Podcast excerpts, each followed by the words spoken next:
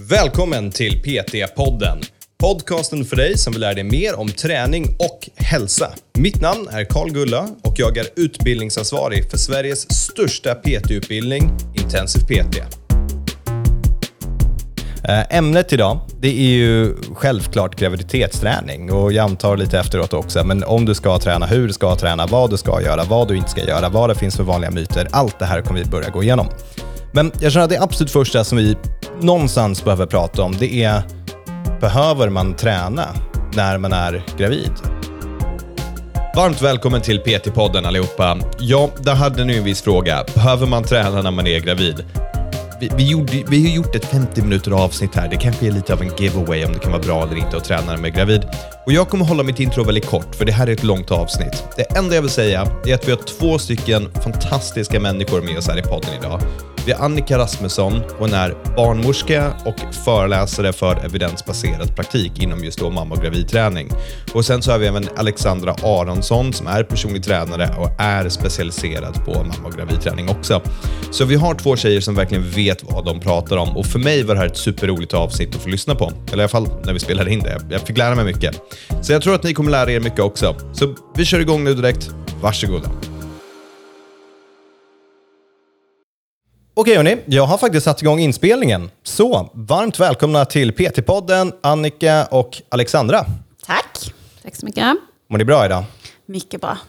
Super. Ja, fantastiskt. Det, så, det här är ju lite annorlunda nu, för vi har två gäster, vi har tre mikrofoner, det här är helt nytt. Och vi har med oss en av mina favoritmänniskor på hela jorden, vilket är Alex. Här. Är jag. Ja, det är du. Och jag, jag börjar ångra mig redan nu att du är med. Men det är liksom, det är, jag vill bara börja med att säga det. Och sen så har vi dig Annika. Och det, jag tror så här, vi ska ju prata om gravidträning idag. Det, det är det stora centrala ämnet. Och det här kommer bli en lång konversation och den är väldigt viktig. Men jag vill börja med att ni får introducera er själva så att våra gäster får veta lite grann vilka ni är. Så vi börjar med dig Alex. Vem är du och vad gör du? Jag, jag heter då Alexandra Aronsson. Eh, jag jobbar som personlig tränare på Crossfit eh, Södermalm. Jag utbildade mig 2018 på IPT. Eh, och jag är även kostrådgivare. Jag har eh, klienter som är eh, i alla former, gravida och eh, icke-gravida, män och kvinnor. Eh, jag jobbar också som makeupartist faktiskt. Jag har två jobb som jag älskar väldigt mycket. Makeupartist har jag varit i 20 år. Eh, och det funkar alldeles utmärkt att kombinera de två. Ja, precis. Du är en av de få PT-erna som jag också bara tagit in och sagt gör ett jobb och då bara poff, fullbokad, klar, har miljarder klienter och bara köttar precis allting själv. En av orsakerna till varför du är min favoritmänniska. Väldigt lätt. Och du låter lite timid nu, men det här är en person som har massa energi. Så vä- vänta bara 20 minuter in i avsnittet. Det så, kommer. Ja, så kommer det. Okej, Okej, men det är lite kul om Alex då. Annika, berätta lite grann om dig själv. Ja, Annika Rasmusson heter jag och eh, jag är företrädesvis eh, barnmorska. Och har varit barnmorska sedan 2005 och jobbar på Capio barnmorskemottagning i Ystad. Jobbar 60 procent där och de andra 40 procenten har jag eget företag och driver mammaträning i Ystad som jag har haft i tio år nu. Där jag har gruppträning för gravida och småbarnsmammor. Eh, och eh, utöver det så utbildar jag också i mammaträning via evidensbaserad praktik. Och då utbildar jag personliga tränare och fysioterapeuter och eh, barnmorskor. Precis, så det här är någon som har stenkoll på läget skulle jag vilja påstå. Det här är långa credentials. En curveball, hur många mammor tror du att du har gett träningsråd till över din karriär? Wow! Ja, det är ett antal hundra. Det är ett antal hundra, det är mycket folk som Eller har fått hjälp. träningsråd, ja då är vi på tusen Ja. tal. Men eh, det är tyvärr inte alla jag får att träna. Men jag pratar mycket träning med alla mina gravida. Precis, och sen har du en blogg också och jag älskar namnet på den här bloggen. Vad, vad har du där? Där har vi Fittdoktorn. Eh, och hon har eh, levt sedan 2013. Och eh, hon kom till världen eh, därför att jag saknade något forum där vi pratar om saker som vi alla är med om, som, men som vi inte pratar om så mycket. Eh, och det kan vara allt från sex och samlevnadsfrågor till eh, Ja, typ att vi bajsar på oss under förlossningen eller att det känns som att man har eh, klämt ut en... Eh, att man känner sig som en schimpans i rumpan när man har fött barn och allt vad det kan vara. Ja, så ni hör ju lite grann vad vi har att jobba med här och vad vi har för samtalsämnen. Jag sitter med två skånska kvinnor som har noll filter och jag älskar det. Det är så otroligt bra. Jag är lite nervös och lite rädd om jag ska vara helt ärlig. Men det här är saker som är viktiga att prata om, så nu jäklar kör vi. Eh, ämnet idag, det är ju självklart graviditetsträning och jag antar lite efteråt också, men om du ska träna, hur du ska träna, vad du ska göra, vad du inte ska göra, vad det finns för vanliga myter, allt det här kommer vi börja gå igenom. Men jag känner att det absolut första som vi någonstans behöver prata om, det är, behöver man träna när man är gravid och en småbarnsmamma? Man ska träna för att när man är gravid är det så otroligt mycket saker som händer i kroppen, för det första. Um, det är så himla mycket som du ska orka med. Att, för det första, att förlösa ett barn, att föda fram ett barn. Det tar otroligt mycket på kroppen. Mm. Så man, jag brukar jämföra det med att du skulle aldrig ge dig in i att springa ett maraton utan träning. Men det är så många kvinnor som går en hel graviditet och inte gör någonting och sen ska de helt plötsligt trycka fram ett barn. Det är en fantastisk liknelse. Ja, det är en väldigt bra liknelse. Så ja, jag tycker framförallt för det och för att, ja, men för att det, det är så otroligt mycket som händer. Det är en krävande tid i livet och väldigt mycket påfrestning för kroppen. Och vi, må, vi måste åka igenom det.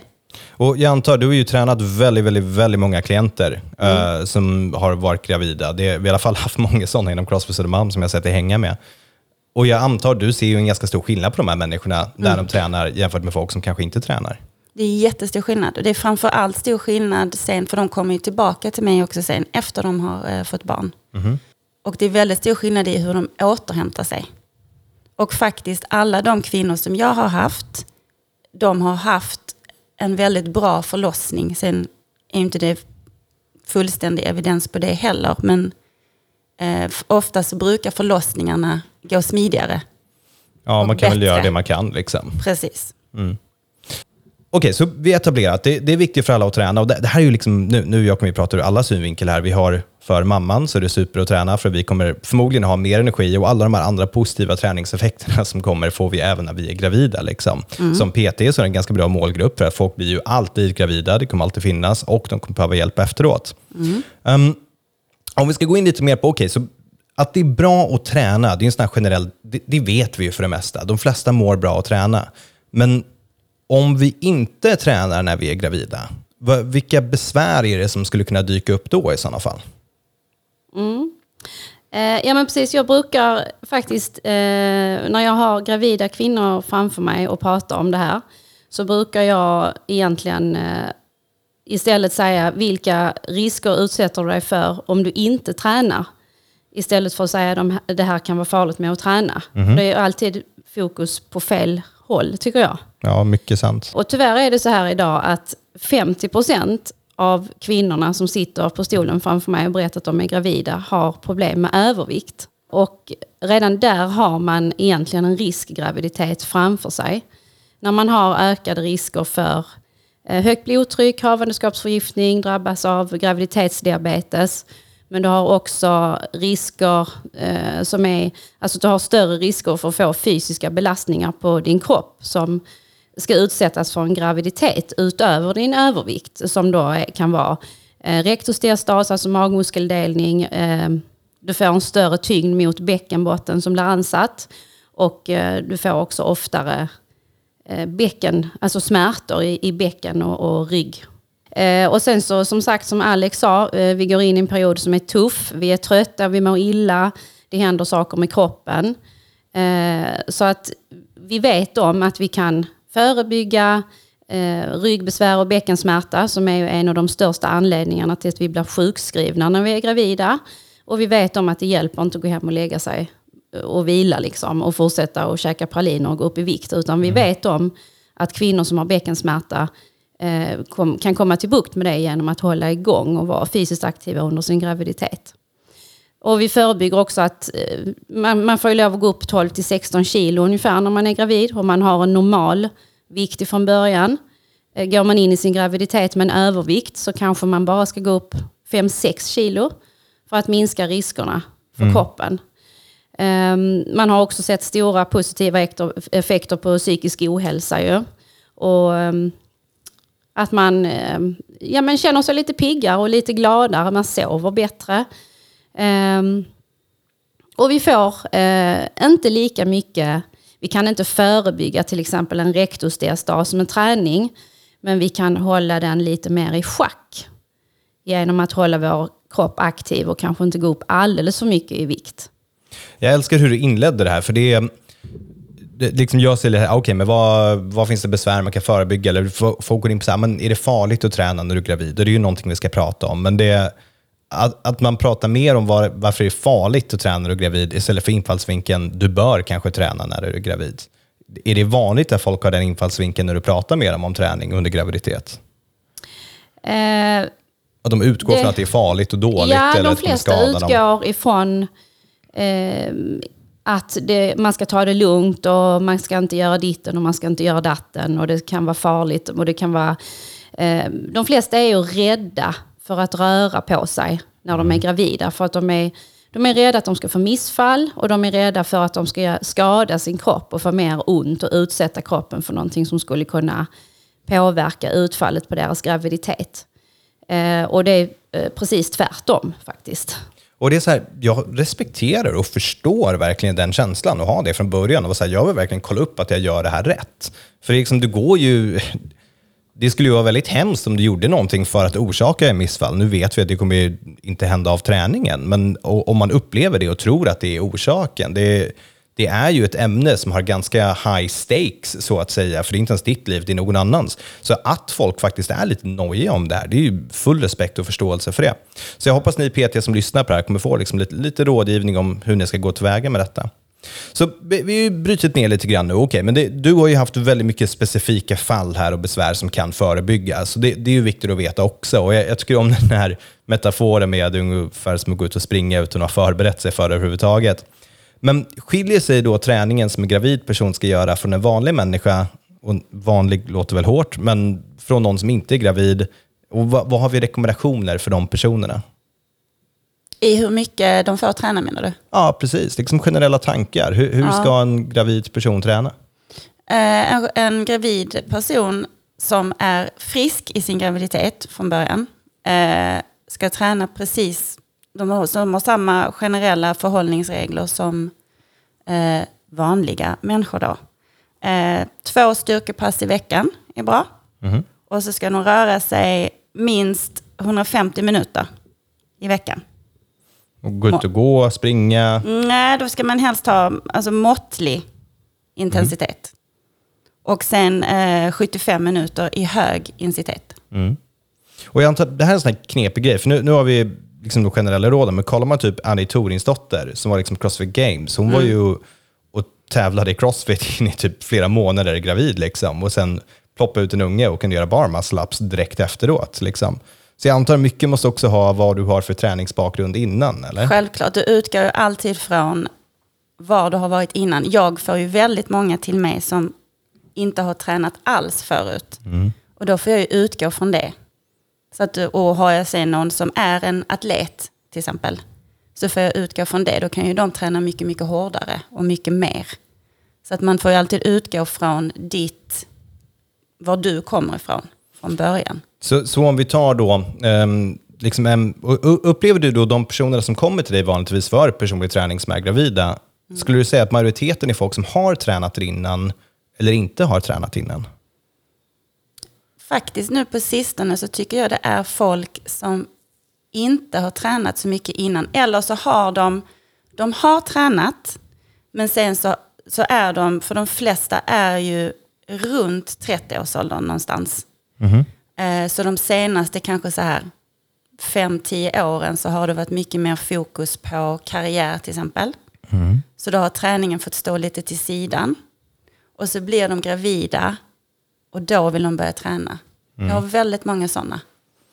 Och då antar jag, då går vi tillbaka till det här. Du, vi hade ju våra generella rekommendationer, så har vi 150 minuter att röra på sig och kanske två styrkepass. Är det liksom minimum då om vi tar en person som inte har tränat förut? Eller är det ungefär det vi vill sikta på även med någon som har tränat väldigt mycket? Och det, det är klart att det är liksom anpassningsbart, men har du en person som är ny i det jag försöker fråga, som kanske inte har tränat så mycket, vad hoppas du på att kunna få dem att röra, hur mycket hoppas du på att kunna få dem att röra sig? Jag vill ju att de ska, för de flesta som kommer till mig kommer ju en eller två gånger i veckan. Mhm. Så då tränar de med mig. Sen vill jag att de ska, för att om de inte har tränat någonting förut eller på väldigt länge så kan det ju vara väldigt svårt för mig att sätta in en joggingtur på morgonen kanske. Så att jag vill att de ska ut och gå kanske varje dag. Och sen så brukar jag ge dem något pass de kan göra hemma. Eh, kanske en eller två gånger i veckan. Så det är ju målet. Men sen ska man ju komma dit också. Precis, så det är egentligen exakt samma sak som en vanlig PT-kund. Att vi, vi kollar på deras livsstil och vad som funkar. Ja. Tar du en person som är gravid och säger nu ska vi träna sju gånger i veckan, pang. Det kommer inte en person som är inte gravid och tränad att göra, förmodligen. Så man får liksom anpassa sig där efter deras vanliga förutsättningar, antar jag. Absolut. Och sen också i, i olika stadier under din graviditet. Så kanske i början av din graviditet mår du väldigt illa kanske. Då vill du kanske inte träna alls. Sen är du väldigt, väldigt trött. Och då kanske det också blir lite mindre. Så det kommer ju... Det går ju väldigt mycket upp och ner i hur du mår i din graviditet också. Så då får man ju också anpassa efter det. Ja, precis. Jag kan ju, ja, jag kan ju bara inbilla mig, men det måste ju vara hur mycket energinivåerna förändras från dag till dag. Liksom. Absolut. Så då, ja, vi vi kan prata lite mer om hur PT ska tänka specifikt kring det här om en stund. Men det vi har etablerat nu i alla fall är att troligen är det ganska bra för dig att träna och det kan förebygga olika saker och träningen är ungefär rekommenderad som en icke-gravid person. Du ska röra Ja. på dig, du ska göra mer än vad du gjorde förut, förmodligen om du inte gjorde någonting och liksom hålla hälsosamt. Då, då börjar vi gå in på de här lite knepiga grejerna. Typ, är det saker man ska undvika? Vad är det som sker? Och allt det, det tar ju botten i hur kroppen förändras under det här. För att även om vi nu rekommenderar en gravid person att träna, så är deras kropp kanske inte exakt likadan som en person som inte är gravid. Så vad är det som sker under graviditeten som vi behöver kanske se upp för eller veta mer om helt enkelt?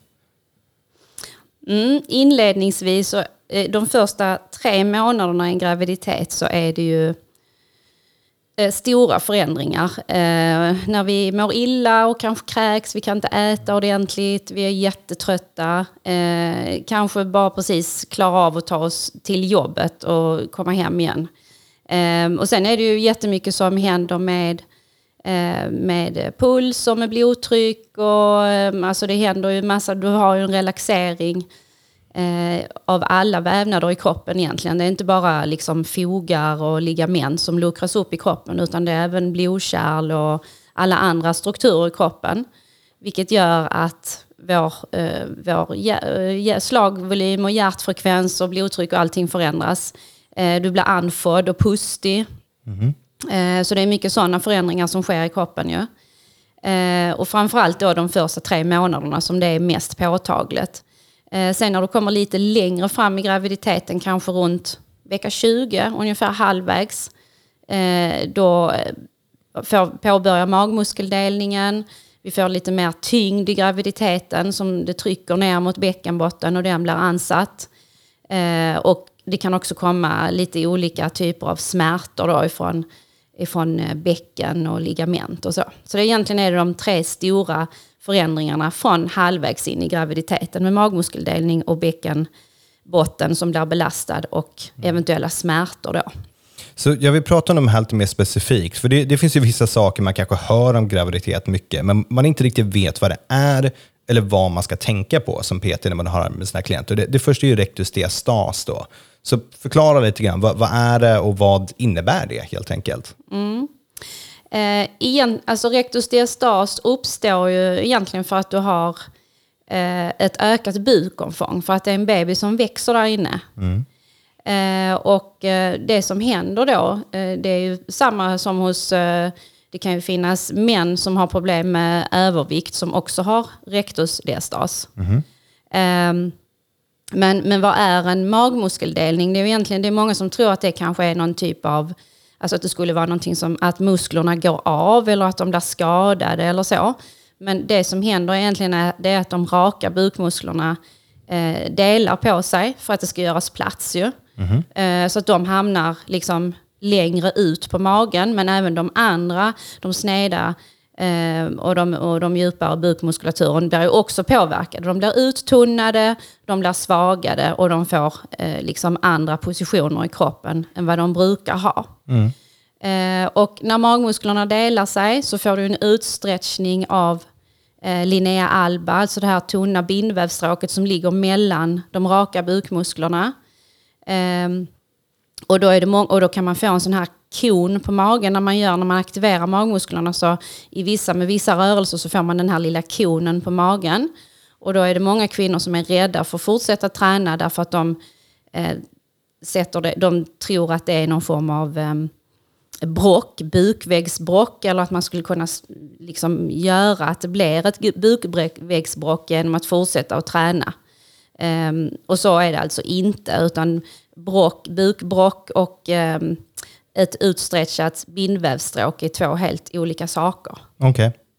Okej. Bara för att du har delade magmuskler så behöver det inte betyda att du har liksom nedsatt funktion. Förmodligen är du svagare i magen och har svår, svårare att få eh, kontakt med din muskulatur. Men den är där fortsatt hela graviditeten. Så att det är liksom inget som är patologiskt på något vis. Eller som skulle kunna vara farligt på något vis. Sen pratar man om att det går ihop efter graviditeten också, eller hur? Eh, det gör det inte på alla. Utan man har sett att ett år efter graviditeten så har faktiskt 30% av alla som har varit gravida kvar en magmuskeldelning. Okej. Så du kan inte, du kan inte träna ihop en magmuskeldelning utan det är någonting som läker av sig själv. Och det låter väl också helt rimligt om man kan lite fysiologi. Liksom. Det, är ju, det, det är ungefär så det kommer funka. Eh, men är det någonting vi behöver, eller ja, vi, vi kommer ju komma till lite vanliga myter, men behöver jag ta hänsyn till träningen för det här? För en vanlig man hör det är att man inte får göra sit-ups för att magmuskel, uh, magmusklerna har delats. Eller man vill kontrollera för det här. Liksom, på, påverkar den träningen specifikt någonting? Nej. Det har man sett, för man har ju sagt att man får inte lov att använda dem, göra övningar som aktiverar de raka bukmusklerna för att man skulle kunna förvärra magmuskeldelningen. Eh, så är det inte. Utan du kan göra alla övningar som känns okej att göra. Sen kan det vara så att det kan vara, vara svårt att få kontakt med bukmusklerna, till exempel genom en sit-up, som jag för övrigt tycker är en rätt tradig övning. Tråkig. Eh, eh, men eh, det finns så mycket annat man kan göra för att aktivera bukmuskler. Men om du pratar med en gravid kvinna så kan du inte heller liksom säga att nu får du inte göra den här övningen och du får inte aktivera de musklerna, men de musklerna får du aktivera. Det, alltså, de kunskaperna har du inte om du inte är medicinare eller personlig tränare eller fysioterapeut. Liksom. Ja, precis, så det funkar ju inte så. Alltså, ber man någon stå upp, så bara, nu ska du liksom gå omkring här och bära en vikt, kanske göra knäböj, men du ska inte aktivera rectus abdominis. Så funkar liksom inte träning överhuvudtaget. Så antar jag att det skiljer sig från att göra det jämfört med att säga nu ska vi göra isolerad bålträning som är en flexion i torso. Det, det är väl lite annorlunda. Men det, det låter i alla fall som att det inte är några problem. Så om vi går vidare från den så tar vi bäckenbotten. Då, för här har vi exakt samma typ av fråga. Man hör mycket prat om bäckenbotten. Hur ska vi tänka? Eftersom jag är barnmorska så är ju bäckenbotten är ju liksom den muskelgruppen som jag egentligen kan och förstår bäst av alla muskler. Och de, de musklerna ser vi ju inte utanpå. Eh, och bäckenbottenplattan, den, ehm, för att förstå vad är bäckenbottenplattan eh, så brukar jag beskriva det för eh, kvinnorna att det är, tänk dig en muskelgrupp som ligger som fäster som en hängmatta inuti bäckenet. Som fäster upp, den sitter fast i höftbenen och den sitter fast i pubisbenet och svanskotan. Eh, och den fäster mot sittbenen. Den ligger i olika lager och eh, den ligger också runt våra öppningar. Ju. Och den funktionen med bäckenbottenplattan det är ju egentligen att hålla upp ett buktryck och uh, hålla våra inre organ på plats så att det inte trillar ut. eh, och att vi inte kissar och bajsar på oss helt enkelt. Eh, och när- Viktigt, låter det som. ganska, ganska viktig funktion. Så att bäckenbottenplattan är ju egentligen en korsning mellan en hängmatta och en studsmatta. Den ska också klara av när vi är uppe och går och rör oss, när vi hoppar och springer och tränar och sådär. Jag ville förklara det som en blöja när jag såg den här positionen, hängmattan framför mig och positionen på den. Och det kanske också funkar, men det är inte det Ja, roligaste men det är sättet bra att att förklara ha det på. li- lite sådana bilder i huvudet. Ehm, men i alla fall, den blir ju kraftigt försvagad, både av det hormonella läget i kroppen när du är gravid, men också sen av tyngden av graviditeten som du bär liksom hela graviditeten. Och sen ovanpå det så kanske du också då föder vaginalt. Men även de som inte har fött vaginalt, som har genomgått eh, kejsarsnitt, har också en försvagad bäckenbottenplatta som, behöver, eh, som är försvagad, som, är, som behöver tränas och underhållas. Ju. Ehm, och den är ingen fristående eh, enhet heller, utan den samarbetar ju också med andra intilliggande muskler i, i rumpan och i, i, i ryggen och buken och med diafragman när vi andas och så här. Och Det här är ju, skulle jag vilja säga, det man hör mest av om man pratar med någon som är gravid och de tränar. Så pratar man om ja, jag tränar bäckenbotten eller för att styrka bäckenbotten. Det är ju väldigt vanligt. Be- behövs det att man tränar det specifikt på det sättet? Eh, ja, det vet vi genom forskningen. Det är det enda vi vet faktiskt som vi verkligen kan sätta på pränt. Att vi vet att bäckenbottenträning ger effekt. Okej, och vad för typ av effekt? Eh, Du, får, du, kan, kan hå- behålla din kontinens liksom, om du kan hålla styrkan eh, genom att eh, ja, men kunna knipa åt när du behöver gå på toa eh, och, hålla, och, och klara parerar och, par, pareringar och stötar liksom, när du hostar och nyser och hoppar och tränar och, och går. Ehm, så att kvinnor som ägnar sig åt bäckenbottenträning, de har också mindre besvär både under och efter graviditet, men också när de närmar sig klimakteriet. Ehm, för det är oftast kanske inte förrän där problemen hamnar sen. Och då är det ett litet kvitto också på hur man har tagit hand om sin bäckenbotten eh, under de här åren i livet, som när man är gravid och föder barn och så. Eh, och det vet vi om att det ger, det ger effekt. Så bäckenbottenträning ska ju alla kvinnor eh, ägna sig åt regelbundet. Och eh, jag har ju alltid, i mina grupppass så har jag alltid med eh, en del där vi kör bäckenbottenträning tillsammans. Och då brukar jag lägga den tillsammans med ja, avsla, avslut, alltså avslappningsdelen eller att vi börjar kanske passet med det. Och det behöver inte ta så många minuter. Eh, därför att vi vet att det är ganska tråkig träning. Eh, och har vi inte några problem så känner vi oss inte supermotiverade att göra det. Eh, och då vet jag i alla fall att då får de åtminstone två dagar i veckan när de är hos mig, när vi gör det tillsammans. Och om du får rekommendera en övning, vi, vi tar bara en nu, liksom, kan du försöka beskriva den som du tycker det här är en bra övning som folk ska göra? Ja, alltså regelmässig bäckenbottenträning innehåller egentligen tre övningar. Eh, och har man inte appen tät så tycker jag att man ska ta hem den, för det är den bästa appen.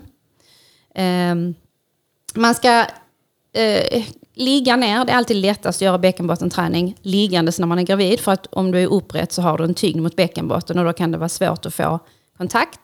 Så du ska ligga ner och vara avslappnad i alla yttre muskler, stänga ögonen, tänka på att andas. Eh, och sen så tänker du helt enkelt så här att du står i kön på ICA och så håller du på att bajsa på dig. Hur gör du då? Jag behöver inte ens inbilla mig det. Det vet jag exakt hur det känns. Hur gör du då för att du inte ska bajsa på jag dig? Och då kommer över. du knipa åt med den här knipmuskeln som ligger runt bakom ändtarmen. Och då kommer du, kniper du åt där och hittar den liksom känslan av att du kniper åt runt ändtarmen så kommer du få bäckenbotten med dig. Okej, super. Och då vill jag att man gör det. Eh, målet är 10 sekunder, 10 upprepningar. S- Sitter ni och gör det nu samtidigt? mm, För jag, sitter, jag sitter och gör det nu. Jag gör det alltid när jag Ja. pratar om om det detta. går. Så sjukt. Och jag gissar på att tusentals personer kommer sitta och lyssna på det här och försöka är väldigt- knipa röven samtidigt också. Förlåt, Okej, så hur Så ofta? tio- 10 sekunder? 10 sekunder är målet, men har, är du höggravid eller precis har fått barn så kanske du bara kan hålla 2-3 sekunder. Men knip det du kan, eh, vila lika många sekunder som du har jobbat, upprepa 10 gånger. Efter det så gör du 10 snabba, hårda knip, allt vad du kan. Så du kniper åt snabbt och hårt och släpper direkt igen. Så gör du det 10 gånger. Då jobbar vi snabbhet i bäckenbotten och då jobbar vi med andra muskelfibrer som ska reagera när vi nyser och hostar och hoppar och så. Och sen så avslutar vi med ett uthållighetsknip. Och då håller du 70% av ditt max så länge du kan. Man kan ha PB i... eh, Ja, jag tänkte säga det sjukaste Det här. också. 70% max. Men vet ni vad, alltså en, en, Rektusknip. riktigt rolig grej som Seth hittade faktiskt. Det är en liten attrapp som du för upp i underlivet som du kopplar till en konsol på tvn och så kan du vara två kvinnor som kniptränar samtidigt och så kan Jag du se vem som älskar kniper det. bäst. Ja, jag älskar det också. Det låter... PB i allt. Ja, ja absolut. Det, det ska vara mätbart. Det vet vi ger resultat, för då kommer folk fortsätta göra det och tävla om någon är skitkul. Okej, vi, vi går vidare. Då har vi ju bäckensmärta. Jag antar att det här är kopplat till bäckenbotten då, eller? Nej, Okej. bäckensmärta sitter ju i, um, oftast i um, sacroiliaca-ligamenten.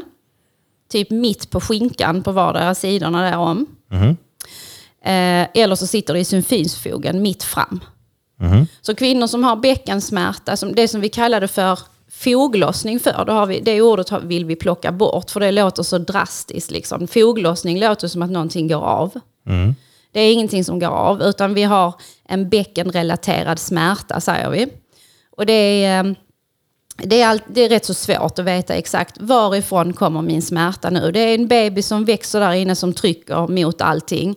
Du har hormonpåverkan, du har gått upp 12 kilo i vikt. Du är tung och det gör ont liksom. Eh, men om man har det vi kallade för foglossning för eller bäckenrelaterad smärta så brukar det göra ont i höfterna eller mitt bak i skinkorna och så strålar det ner i, eh, ja, men ner i skinkorna och ner på baksidan av låren.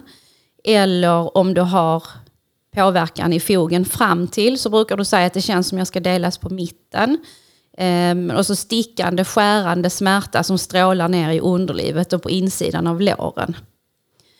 Eh, och ja, det är väldigt individuellt men det är må- ganska många kvinnor som, som drabbas av det mer eller mindre under sin graviditet. De flesta får det kanske lite mot slutet när de börjar bli stora och tunga. Det man ska komma ihåg är att det inte är någon, det är ingenting som, det är ingen farlig smärta. De flesta smärtorna under en graviditet är inga farliga smärtor. Eh, känner man sig osäker på vad, vad är det för en typ av smärta så berätta för din barnmorska vad det är för en smärta så kan hon ganska snabbt förstå vad det handlar om. Eh, och då är det tyvärr vissa kvinnor som får rådet att de ska gå hem och vila och att de ska bli sjukskrivna. Och det är inte den bästa medicinen. Nej, kan jag tänka mig. Det kan jag gå i god för. Jag har haft jättemånga kvinnor. Jag har haft eh, en kvinnor som har kommit in på kryckor till träningen och varit jättestela och haft ont och inte kunnat träna sig. Och vi har gemensamt hittat någon form av anpassade övningar där hon har som hon har tyckt har känts okej och hon har gått därifrån och i stort sett varit smärtfri fram tills nästa pass vi har. Ja, det är magiskt och det är så viktigt jobb. Det där gör som fantastisk förändring i folks liv. Så nu, nu har vi liksom bränt igenom några, några av de här buzzwordsen, det är väl kanske fel sak att säga, men rektusdiastas, bäckenbotten och bäckensmärta, det är ju någonting man får höra om väldigt mycket när man pratar om graviditet och gravidträning. Och vi kanske förstår lite mer hur detta då relaterar till träning, men jag tror vi har ändå etablerat en timeline nu. Det är bra att träna lite grann hur du ska träna, vad du ska göra och så vidare. Vem och finns det folk som inte bör träna? Som inte får träna under en graviditet? Ehm, om du får sammandragningar med, som påverkar din livmoderhals så att det skulle kunna finnas en risk för att du skulle föda för tidigt. Eh, då vågar vi inte chansa på det. Eh, och hur vet man det? För att det är faktiskt en hel del kvinnor som har sammandragningar från och till ju, hela sin graviditet. Eh, och fa- kanske framförallt också när de, vid ökad aktivitet, att det kommer lite grann att det drar ihop sig i magen och att den blir hård. Eh, och gör det det så får man sätta sig och pausa en stund och då ska det ju gå över. Så du får inte komma igen och igen och liksom börja bli regelbundet.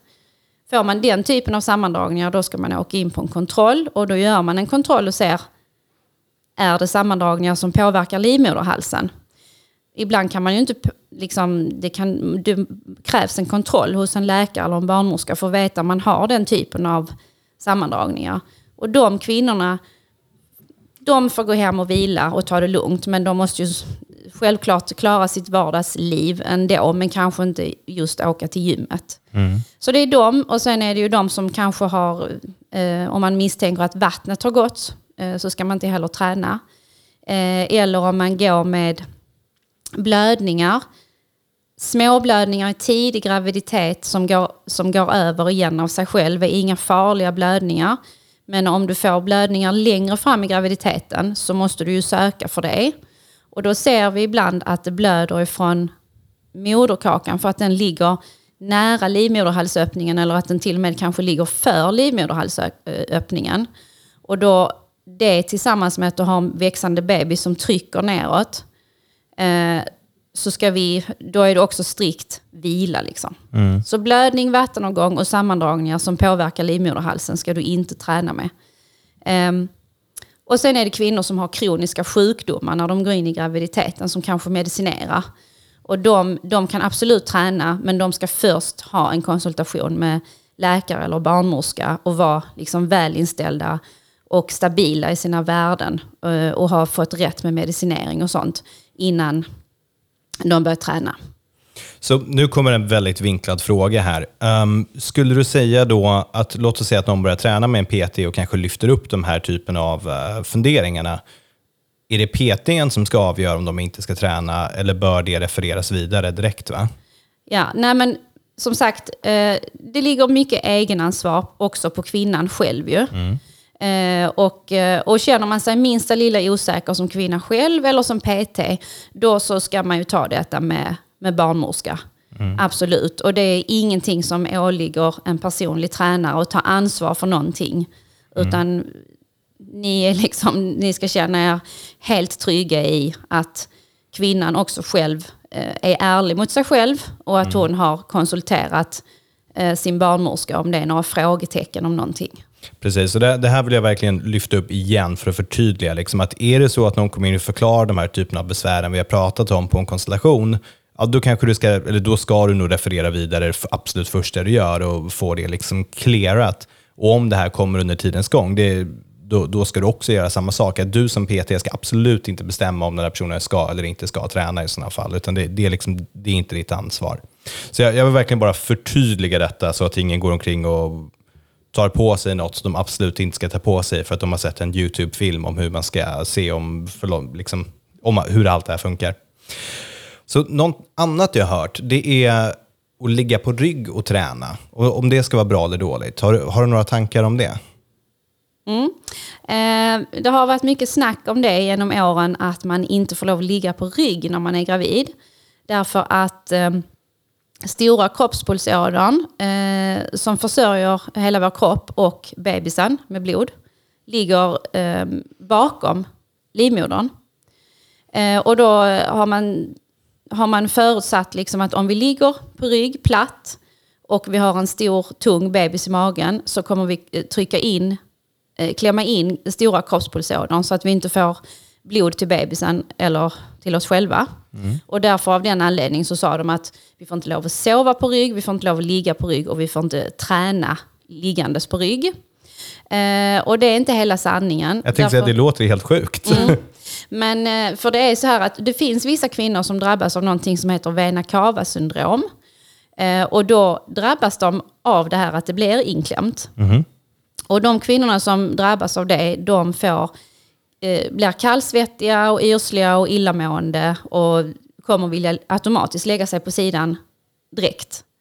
Om du drabbas av det så får du för lite blod till hjärnan på dig själv. Men då kanske det kan vara också så att bebisen blir påverkad, att inte den får det blodet den ska. Men de kvinnorna som, som får det här, de känner av det direkt och säger nej, jag kan inte ligga på rygg. Bra, då vet vi det.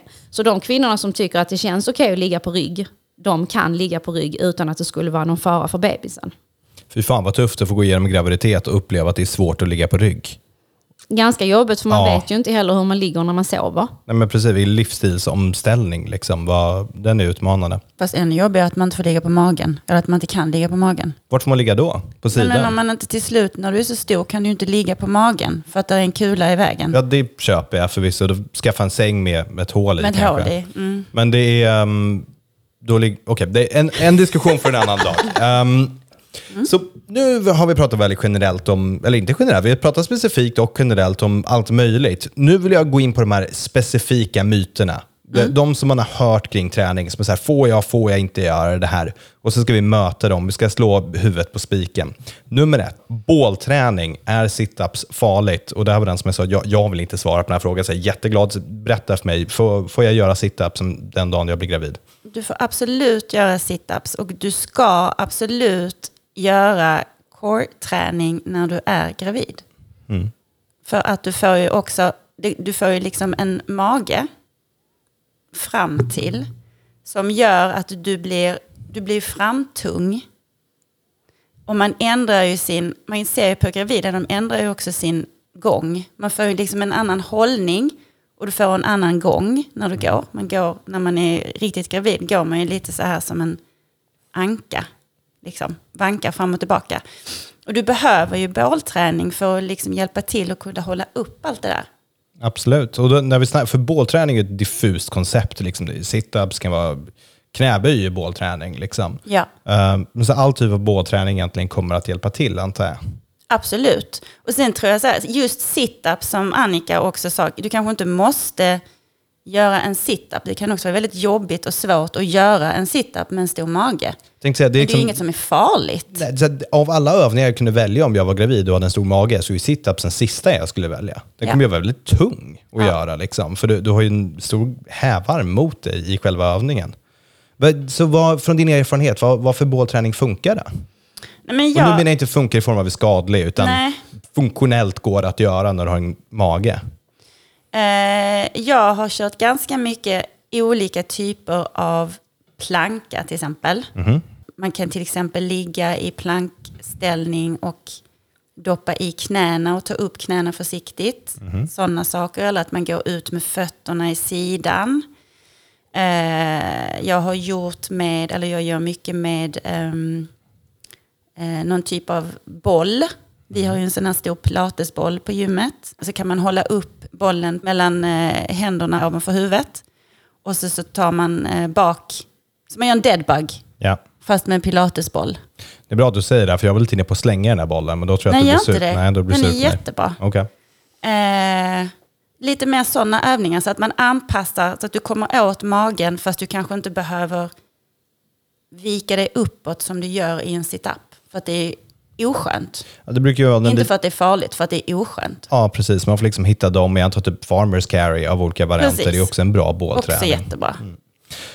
Okej, så um, hopp och löpning då? Får jag springa? Får jag göra boxjumps till exempel? Det får du absolut. Där är det också efter hur det känns för dig. Känns det obehagligt att hoppa? Hoppa inte då. Känns det bra att hoppa? Då går det jättebra. Ja, och jag kan tänka, här är det exakt samma sak. Du väger helt plötsligt mer och har en stor Precis. otymplig sak runt omkring dig. Liksom. Det, det kommer kännas, men det är inte farligt för barnet då om du skulle hoppa massa till exempel. Nej, men det kanske man inte ska om man är liksom i vecka 35. Då är du väldigt stor oftast. Då kanske det är ganska onödigt att hoppa just boxjump. Så kanske du ska välja att göra någonting annat. Eller gå upp och ner på lådan istället. Du kanske inte tvunget måste hoppa.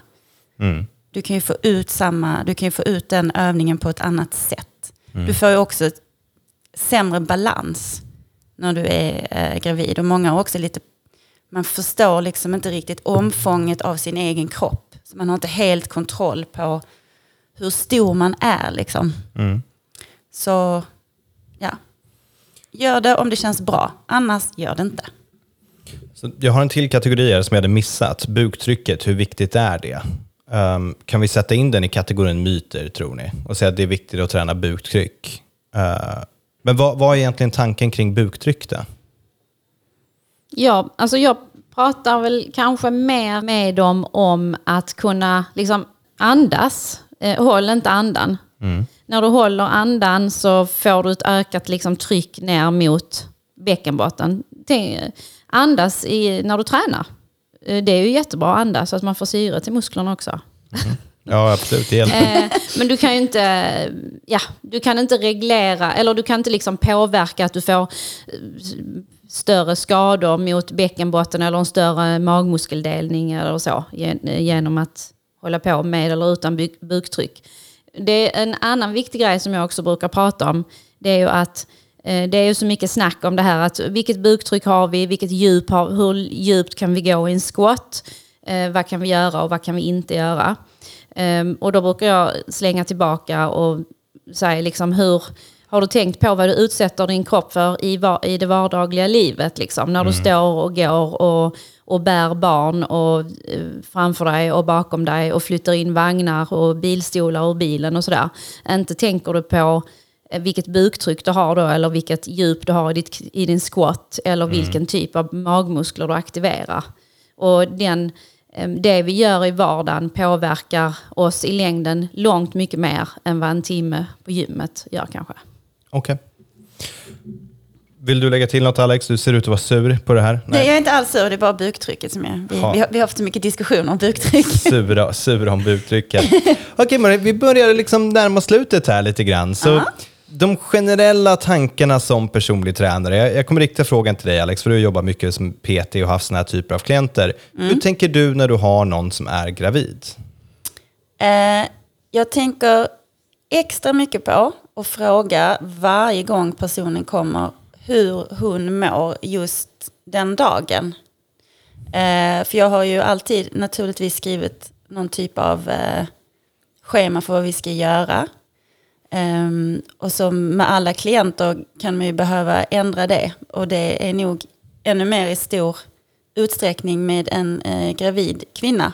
För det kan, eh, hur, hur hon mår. Sen tänker jag väldigt mycket på, i mina övningar och så, så handlar det ju om att här ska vi ju underhålla hennes muskulatur och hennes styrka. Det är inte så att man ska lyfta, göra PB, någon typ av lyft eller springa milen på bästa tiden under tiden du är gravid. Mm. Det handlar ju om att stärka och underhålla. Så att jag tänker på eh, sådana övningar. Och också att eh, jobba med, rör, mycket med rörlighet jobbar jag också på, mycket mer med rörlighet på mina gravida klienter än mina andra klienter faktiskt. Och så, som sagt, jag frågar alltid inför varje övning frågar jag hur den känns. Och ifall den känns okej okay att göra. Och ifall den känns okej okay så gör vi den och gör den inte det så byter vi ut. Sen får ju de flesta känner ju ganska snabbt att de får väldigt dålig balans. Och då brukar jag att man kanske till exempel gör eh, squats och sådana saker med en pilatesboll i ryggen. Mm. Eller att man eh, står mellan ringar och håller sig i ringarna, att man använder sådana övningar. Eh, lite så. Ja, så egentligen behandla dem som vilken klient som helst i form av Precis. att individanpassa.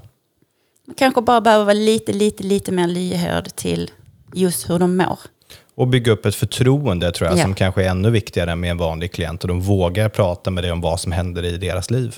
Absolut. Brukar du fråga om sånt? Ja, men det gör jag. Och sen har jag eller det som kanske också kan vara lite fördelen för mig är att jag själv har varit gravid två gånger.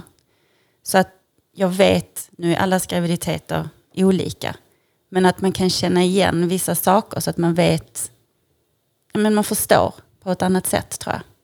Okej. Okay. Um, jag har en sista curveball-fråga till er. För jag upplever att de personerna som tränar gravida är oftast kvinnor. Eh, mm. Uh, och jag tror att det finns en viss jag, jag hade i alla fall resonerat så om jag var kvinna, kanske att jag hade velat ha någon som har antingen gått igenom det eller som kanske har en bättre förståelse. Men det finns nog fall där en kille har en klient som blir gravid och då kanske den här klienten känner ett stort förtroende för den här killen som är deras PT och vill behålla dem under tiden. Mm. Har ni några tips till en person som mig då, som kanske inte fullt kan förstå hur det här kommer vara för klienten om frågor vi bör eller inte bör ställa till vår klient? Nej, men jag, jag tror så som, som jag sa, så som jag behandlar, eller behandlar, som jag tar mig an mina gravida kvinnor. Att man verkligen frågar dem så här, hur känns det idag? Hur känns det i kroppen? Har du ont någonstans? Att man mer tar en sån approach. Och, man, och om man känner sig väldigt, väldigt osäker så fråga någon annan. Ja. Fråga om det finns någon annan på, på ditt gym kanske som jobbar. Det är ju ganska många som frågar mig till exempel av våra. Mm. För jag förstår att det kan vara svårare för en kille. Att, de, att man kan tycka att det känns lite svårare. Men det är som vilken annan klient som helst. Hörrni, jag är väldigt tacksam för att ni ville vara med och prata om det här. Om någon vill lyssna på mer av er och lära sig mer, vart ska de gå tillväga då? Och vi börjar med Annika. Mm. Jag har ju min mammaträning i Ystad, så har man vägarna förbi där så är man hjärtligt ja. välkommen. Eh, annars så utbildar jag som sagt eh, fortlöpande eh, via evidensbaserad praktik. Eh, och då eh, är det heldagsutbildningar som hittills har varit via Zoom online. Eh, så gå in på evidensbaserad praktik och kika på det om ni är mer intresserade av det här ämnet. Och jag kan personligen stå i god för att allt evidensbaserad praktik gör är skitbra. Rakt igenom. Och sen om man vill läsa mer, vad hette den här bloggen nu igen? Fittdoktorn får ni inte missa. Jag älskar det så mycket. Okej okay, Alex, vart kan man lära sig mer om dig? Uh, ja, alltså jag, fint, jag jobbar ju då på Crossfit Södermalm i Stockholm. Uh, sen hittar man mig på Instagram.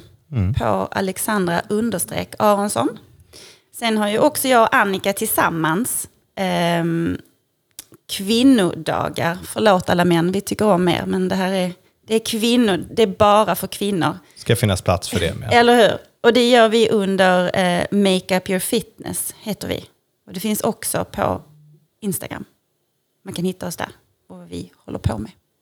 Vi kommer Magiskt. ha nästa event i eh, september, nere i Skåne. Det. Magiskt. Och vad gör man då? Då eh, brukar vi, eh, för jag pratar om eh, hormonjävlar, eh, PMS och lite klimakterie, menstruationscykel, bäckenbotten föreläser jag om. Eh, vi tränar två träningspass, ett styrkepass och ett cardiopass under dagen. Alex pratar eh, lite om kost och kvinnor, hur man kan tänka där och Alex eh, vi kör lite ansiktsbehandling och lite smink och beautytips. Vi badar lite badtunna och äter gott och sen sover vi över. Eh, och käkar frukost och sådär innan vi åker hem dagen efter. Ett helt dygn med bara kvinnor helt enkelt. Vi har också yoga. Ja, jag tänkte att det här låter fantastiskt. Ska ni göra ett undantag? Får jag följa med någon gång? Det här låter ju underbart. Jag vill också ha ansiktsbehandlingar. Du, du, kan få följa med. Ja, men tack. Du kan få följa med. Hörrni, jättestort tack för att ni var med och bra jobbat. Tack så mycket. Tack.